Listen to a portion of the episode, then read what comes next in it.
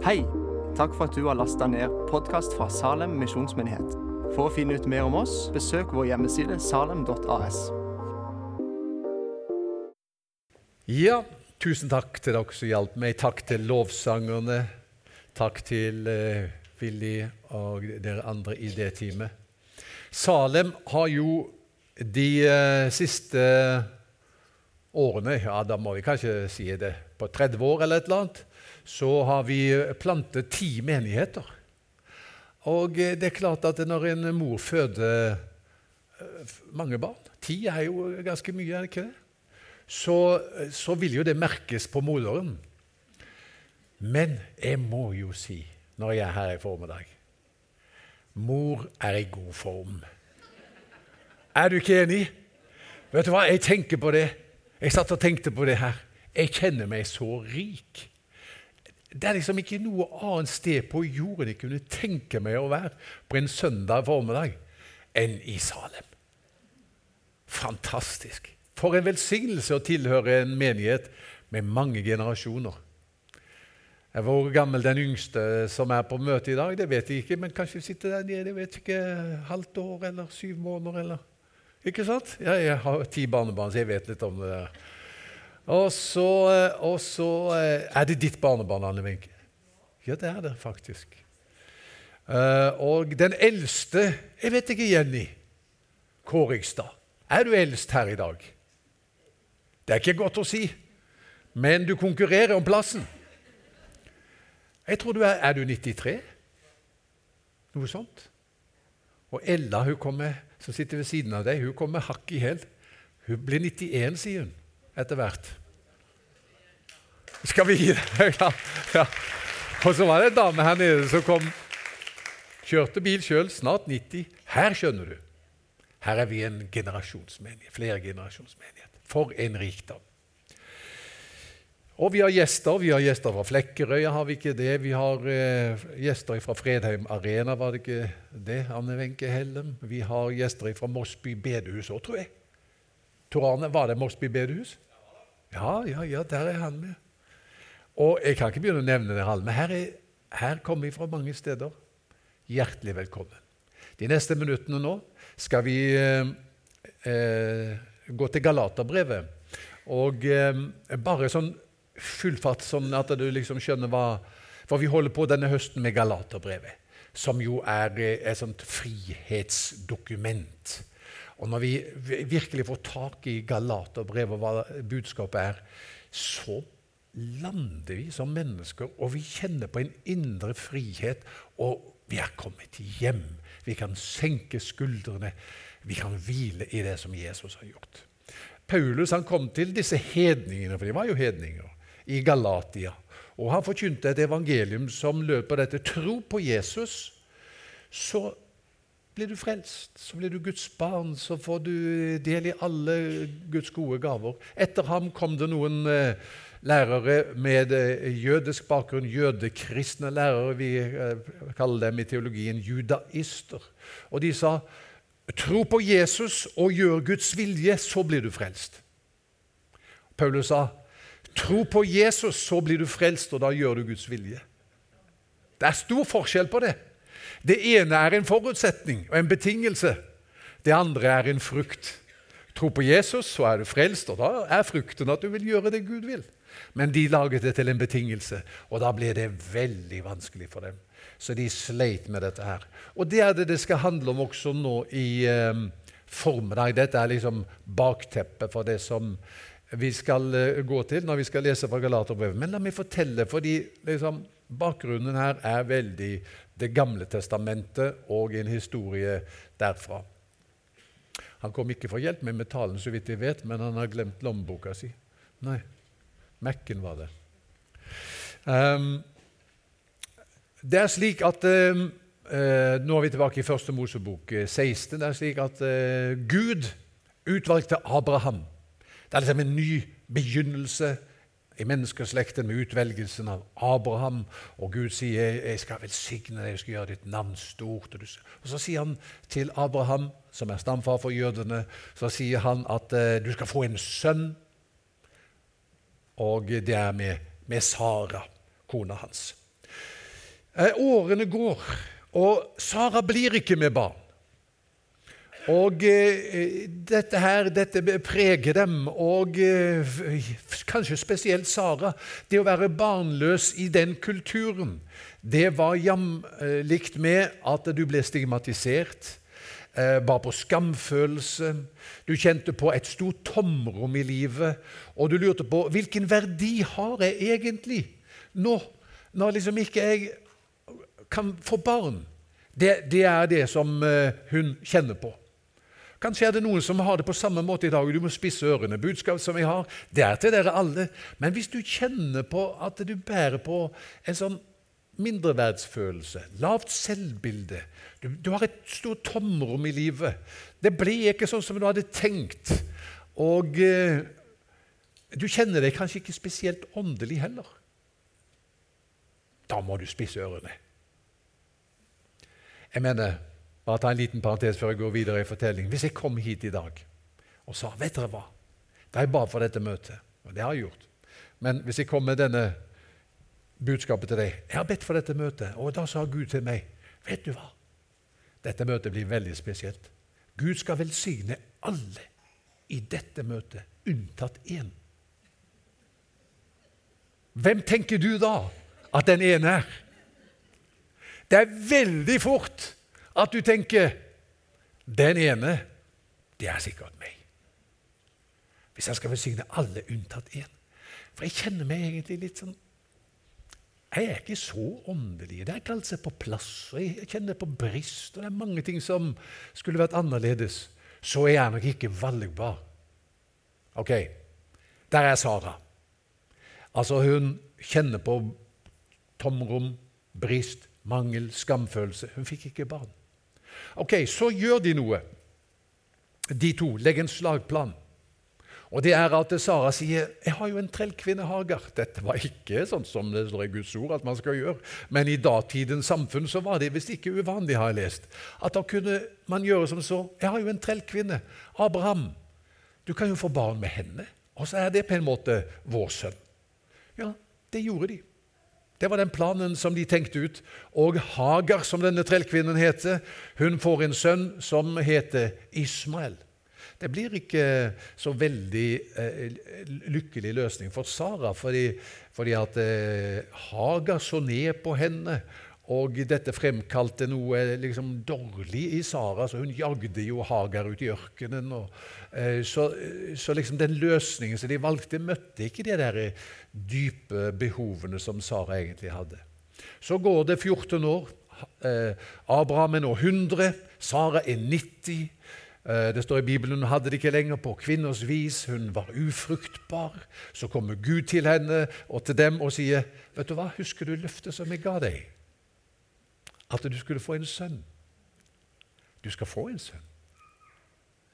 Og eh, et år etterpå så føder Sara på mirakuløst vis, for dette er et under, hun er ufruktbar, så føder hun på mirakuløst vis en sønn. De kaller ham Isak, som betyr latter.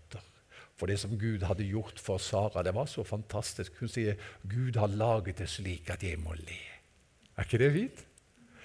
Uh, og så blir det jo ikke liksom likevel slutt på alle problemer, fordi at det oppstår spenninger mellom de to guttene Isak og Ismael. Også. Ismael den eldste mobber den yngste, og det ender med at uh, Ismael og Hagar, slavekvinnen og hennes sønn, blir drevet ut av familien. Det er Isak som er arving. Vel, dette er bakgrunnen for at vi nå skal lese fra Galaterbrevet. Og så skal vi uh, vi får det på teksten på veggen nå, og så skal jeg lese det her fra Galaterbrevet 4.21, og da står det sånn i Jesu navn. Si meg, dere som vil være under loven La meg bare stoppe litt der, tilfelle jeg glemmer å si det siden. Hva vil det si å være under loven? Det betyr ikke å gjøre Guds vilje, at det liksom er et problem, men det er det at de gjør lovoppfyllelse som en betingelse for å være godtatt hos Gud. Altså, Judaistene sa du må gjøre Guds vilje. Det vil styrke din status. Du vil få en helt annen status. Tro på Jesus og gjør Guds vilje, så er du frelst. Så er du akseptert. Så er du Guds barn. Så har du del i løftene. Men Paulus sier det er å være under loven. Det er ikke det jeg har kalt deg til. Hører dere ikke på loven, sier han. Det står jo skrevet at Abraham hadde to sønner, en med slavekvinnen og en med den frie kvinnen. Slavekvinnens sønn ble født etter naturens orden. Den frie kvinnens sønn ble født ved Guds løfte. Dette har en dypere mening. Kvinnene står nemlig for to pakter. Den ene, Hagar, er pakten fra Sinai-fjellet. Hennes barn blir født til slaveri. Hagar er Sinai-fjellet i Arabia og svarer til det nåværende Jerusalem, som lever i slaveri med sine barn. Men det Jerusalem som er i det høye, er fritt, og det er vår mor.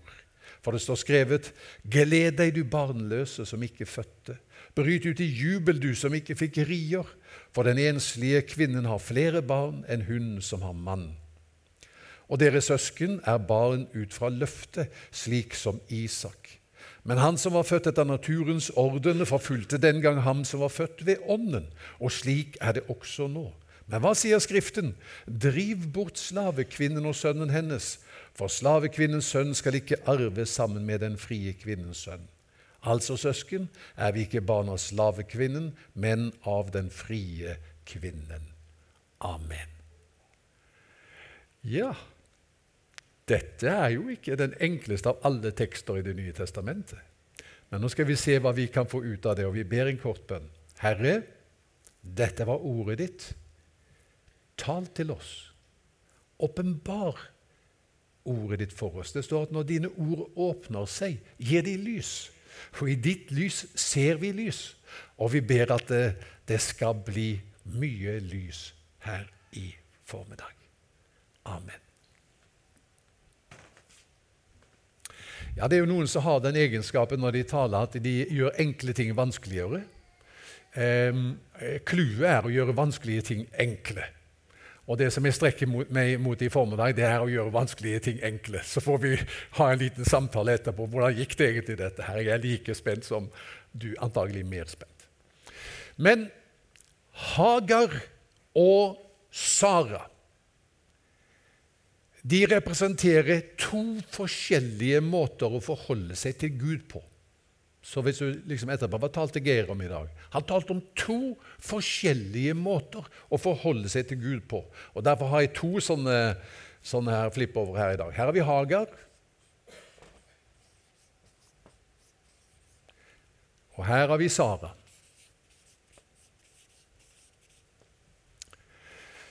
Det er altså da sånn at eh, Hagar hun får en sønn. Hva heter han? Ismael. Sara får en sønn som heter Isak. Gutten som Hagar får, er slave.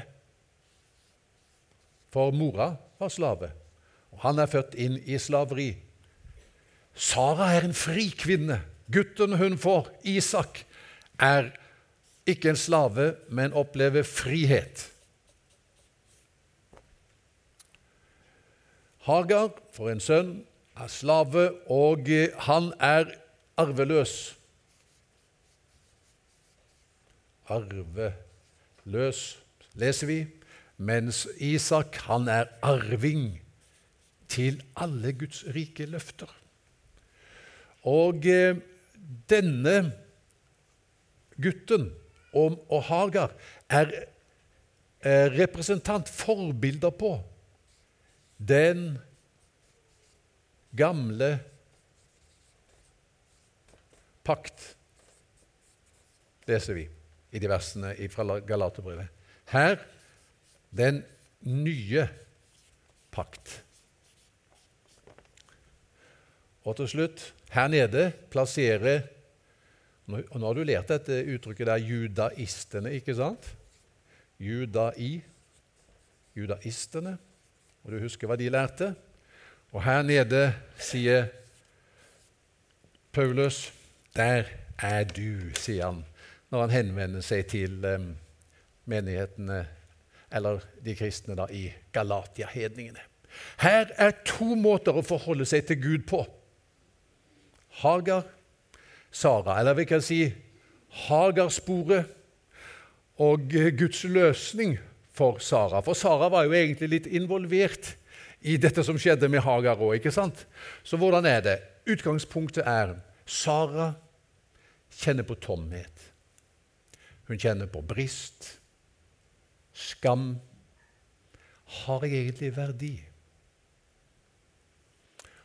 Og for å skape dette i livet sitt så tar hun affære, hun tar saken i egne hender. Og så tenker hun at hvis livet mitt skal få verdi, og jeg skal få erfare liksom, velsignelse over livet mitt, så må jeg gjøre det sjøl.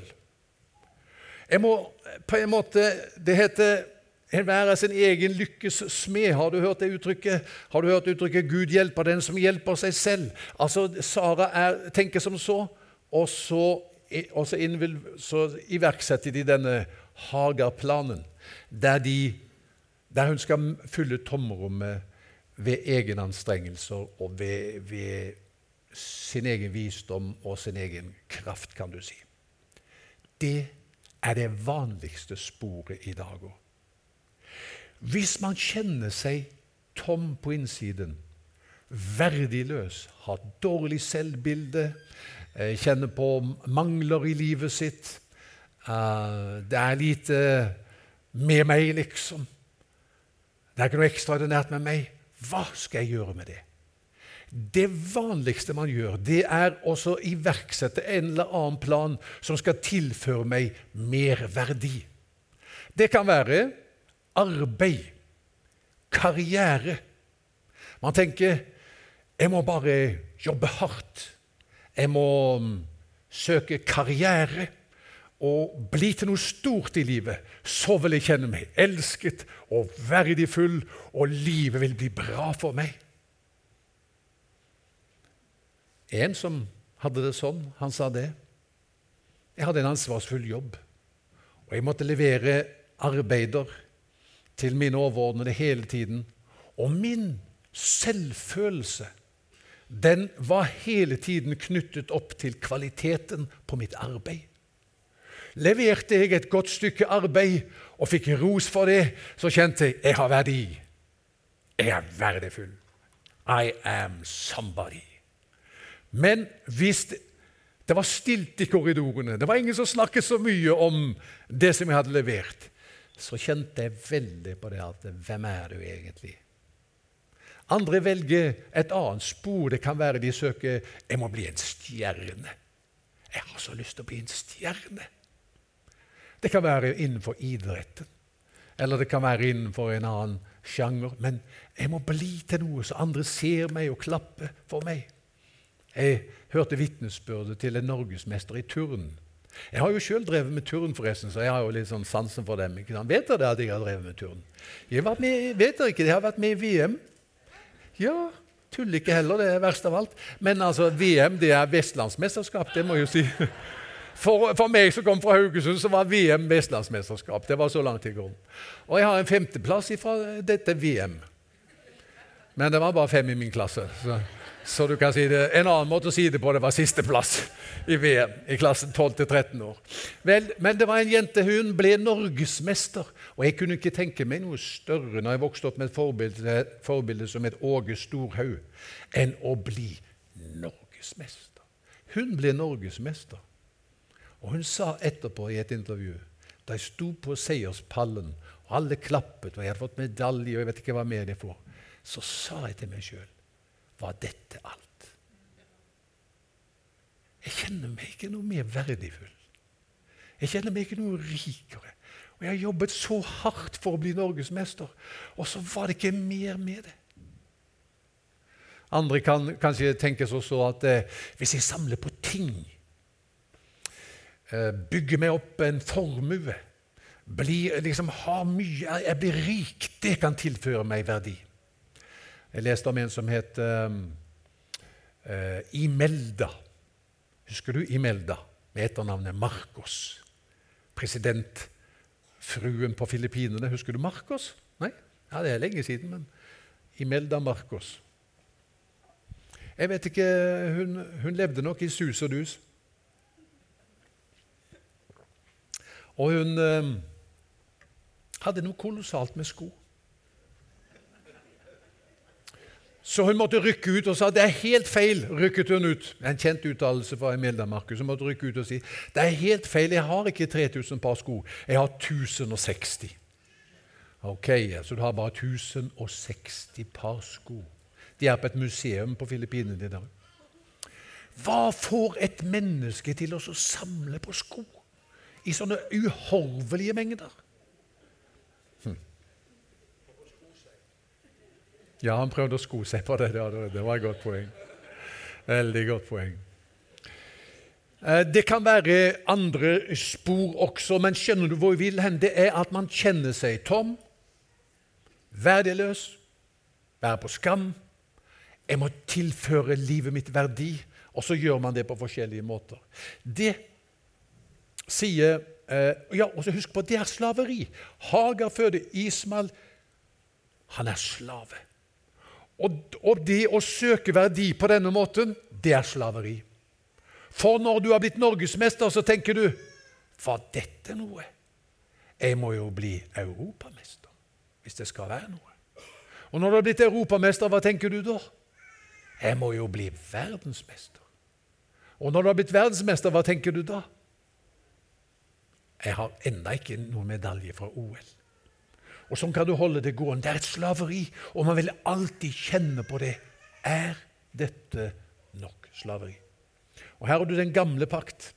Hva er den gamle pakt som Hagar er en representant for, eller en illustrasjon på? Den gamle pakt det var pakten som Gud inngikk med israelsfolket ved Sinai-fjellet. Vi leser om dette i Galaterbrevet 4. Og den pakten den var sånn, enkelt fortalt, at Gud gjør en avtale med det jødiske folk og sier dere holder budene, og jeg skal velsigne dere.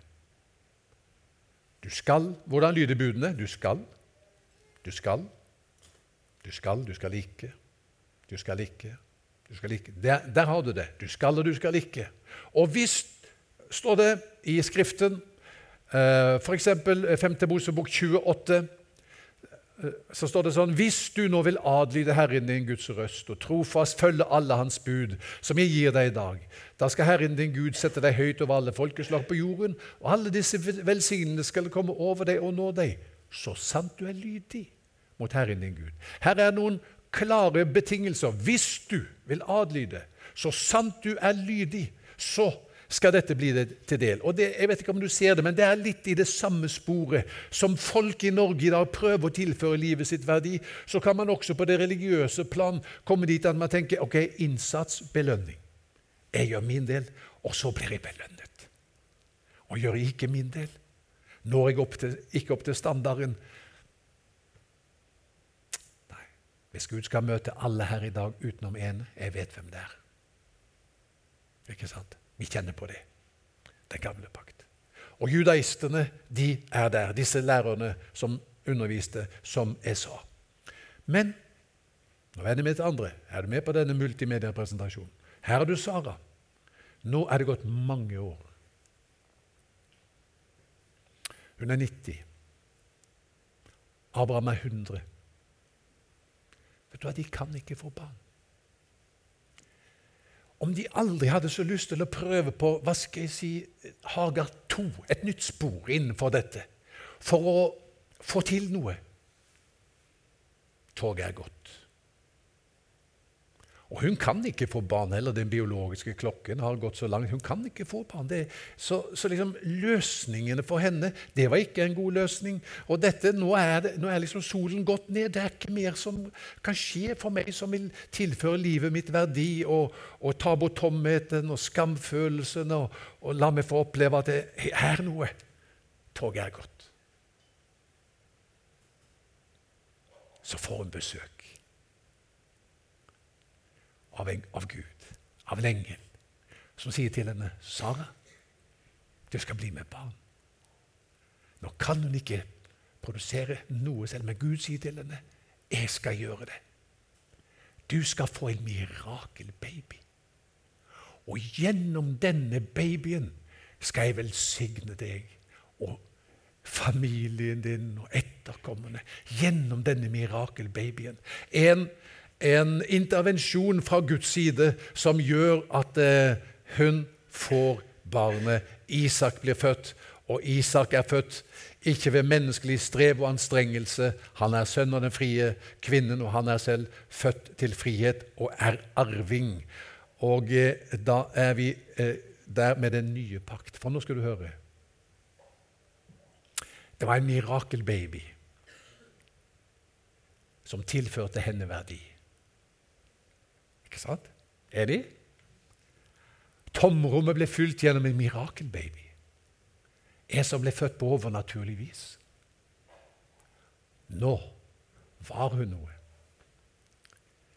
Og Guds løsning til oss som kjenner på dette som jeg har beskrevet noen ganger tomhet, mindreverd, dårlig selvbilde, brist osv. Det er at det ble født en annen mirakelbaby. Hva de gjorde det?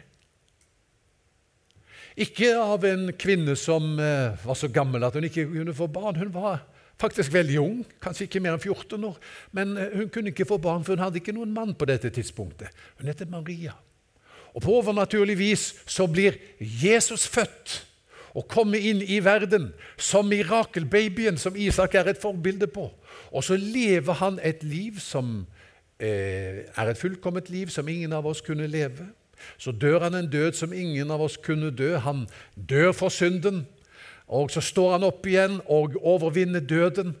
Og gjennom dette så vinner han for oss en plass hos Gud som er alt vi har lengtet etter hele livet. Det du har drømt om og tenkte at du måtte oppnå ved en eller annen Hagar-plan. Jeg må jobbe, karriere, bli stjerne, samle meg rikdom eller være en skikkelig åndelig person som holder budene og, og liksom virkelig viser Gud at de mener alvor. Alt det vi strakte oss mot ved, den, ved det sporet, det gir Gud oss ved tro på Jesus. Hva skjer når vi tror på Jesus? Sist gang jeg talte, så var jeg innom 2. Korinterbrev 5,21. Der står det Han som ikke visste av synd, ble gjort til synd for oss, for at vi i ham skulle få Guds rettferdighet. Jeg elsker det verset. Han som ikke visste av synd, det er Jesus, ble gjort til synd. I hvor stor grad bar han våre synder?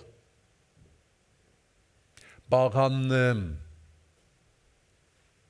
90 Jeg skjønner at det, dette er dumt sagt, dette kunne vi nesten ikke sagt på søndagsskolen, men bare for å få fram poenget bare 90% av våre synder. Han blir gjort til synd. 90% 95 99 All synd bar han på korset, ikke sant?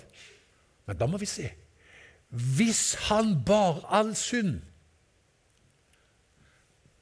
så må vi se hva er det andre. Det andre er han som ikke visste av synd, ble gjort til synd for oss for at vi i ham skulle få Hva skulle vi få? Guds rettferdighet. Og hvis han bar all synd, så må det bety at liksom, hvis dette, denne transaksjonen eh, holder stikk, så har vi del i Guds rettferdighet fullt ut. Hva betyr det? Han ble det vi var, dere. Hør. For at vi skulle bli det han var. Han gikk inn under den mørke skyen og delte våre kår for at vi skulle få del i Guds rettferdighet. Nå går jeg begge mot der, men det er her jeg skal stå i denne multimediepresentasjonen. Ikke sant? Han gikk inn i våre kår for å bli det vi var, for at vi skulle få del i hans kår og få del i alt det som han var og hadde og er. Det er det som betyr Guds rettferdighet. Det betyr at du har del i det som Jesus hadde. Hva hadde Jesus? Det står dette er min sønn, den elskede, som jeg har behag i. Alle som har barn, vet jo hva det betyr. Og Bent og meg har jo barn, fire stykker, og vi av og til så har vi lyst til å rope ut Altså, det er gutten vår. Det er jenta vår. Vi har jo det. Og her når Jesus blir døpt, ånden kommer over ham, så er det jo Gud som tar en megafon og den, Det fins ikke maken til denne megafonen. Han roper det ut i universet. I alle galakser gir det gjenklang. Og sikkert i avgrunnen òg. Dette er min sønn. Han er så stolt. Ikke sant? Den elskede. I ham har jeg behag. Og i det øyeblikket du tror på Jesus, ikke som judaistene sa, i det øyeblikket du tror på Jesus og gjør Guds vilje og lever opp til standarden, så har du det. Men i det øyeblikket du tror på Jesus, er dette sant om deg du er elsket. Like høyt som Jesus er elsket, er du elsket. Og Jesus har sin verdi ut ifra dette. Far elsker meg. Jeg er kommet hjem. Og det kan jo vi si òg, da. Jeg er kommet hjem. Hva er det du har leita etter hele livet? Vet du hva det er? Jeg vet hva det er. Du har leita etter å bli elsket akkurat som du er. Og Da kan jeg si til deg du er kommet hjem. Du er elsket akkurat som du er. Dine synder er tatt bort. Ja, Men jeg lengter etter velsignelser. Altså Hvis Gud skulle møte alle her i dag, unntatt én, så er jeg fortsatt litt usikker på hvem er den ene. Er det meg? Derfor har jeg en definisjon på rettferdiggjørelse som lyder som så. Jeg lurer på om jeg ga dere den sist, men den er så god at den må gjentas. Den lyder som så. Rettferdiggjørelse det er jo et begrep fra rettssalen. Det vet jeg, ikke sant? Rettferdiggjørelse er en handling av Gud der han en gang for alle avsier full frifinnelsesdom over synderen som tror på Jesus. Og deretter gir ham og henne adgang til alle de velsignelser og privilegier som den har som har oppfylt loven til punkt og prikke. Hørte du det? Det samme som Jesus hadde, som andre ord. Gud avser følgende dom over Minda Helene som sitter der. Du, er sitter så lagelig til. Der han er på tiltalebenken, anklaget for syndet mot Gud, så lyder dommen over Minda Helene Klausen sitt liv. Frifunnet på alle tiltalepunkter. Erklært ikke skyldig. Du er fri. Og så sier han til henne, og nå, Minda Helene, er du velkommen til å flytte hjem til meg. Det hadde det blitt overskrifter av også i Fedrelandsvennen. Fri, skyldig er frifunnet og har flyttet hjem til dommeren. Ikke sant? Og hva har du der hjemme hos ham? Adgang til alle de privilegier og velsignelser som Jesus selv hadde. Han som ikke visste av synd, ble gjort til synd. For at vi i ham skulle få Guds rettferdighet. Det er et vanskelig ord, vi forstår ikke alt hva det innebærer, men det innebærer få del i det som Jesus hadde del i. Åh, dette er stort. Og så skjønner du det at eh, Jeg må hente Bibelen igjen. At dette må ikke blandes. Det som judaistene gjorde, de inviterte i grunnen Hagar og Ismael tilbake i familien. For at det, eh, som, eh, det som Abraham og Sara hadde gjort. De hadde jo sagt de kan ikke være med i familien. Driv bort slavekvinnen og sønnen hennes. Og denne måten å forholde seg til Gud på kan ikke forenes med den måten å forholde seg til Gud på. Det er det som er poenget. Du kan ikke blande den gamle pakstenkning og den nye pakstenkning. Du må gå helt over fra lov til nåde. 100% For i det øyeblikket du blander litt av dette med dette, så har du mistet dette. For dette er vakuum. Og hvor mye luft må vi ha inn i vakuum for at det ikke lenger er vakuum? Er det noe som heter luftberiket vakuum? Nei. Enten er det vakuum, og da er det luft tomt. Eller så er det ikke lenger vakuum. Så vi må gå helt over fra lov til nåde.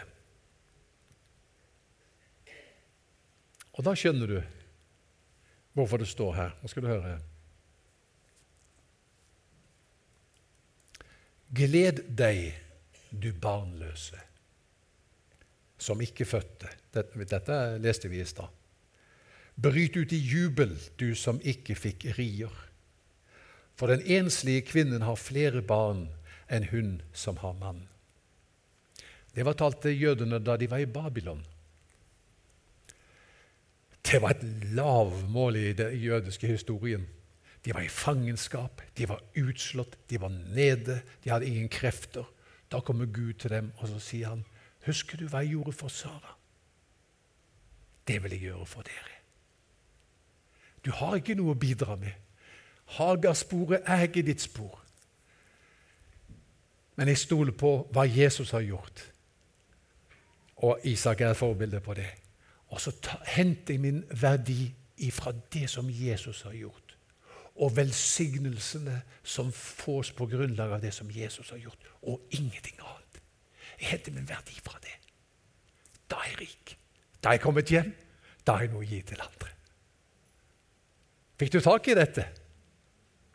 La oss be. Ja, Herre, vi priser deg for at det, lov og nåde, det blandet du ikke. Vi takker deg for at eh, vi får del i velsignelsene, en åpen himmel alle dine gode gaver. Ikke som et svar på vår innsats, ikke som lønn for et arbeid, men det står i ditt ord at du annerledes er det med den som ikke har gjerninger, men som tror på ham som erklærer den ugudelige rettferdig.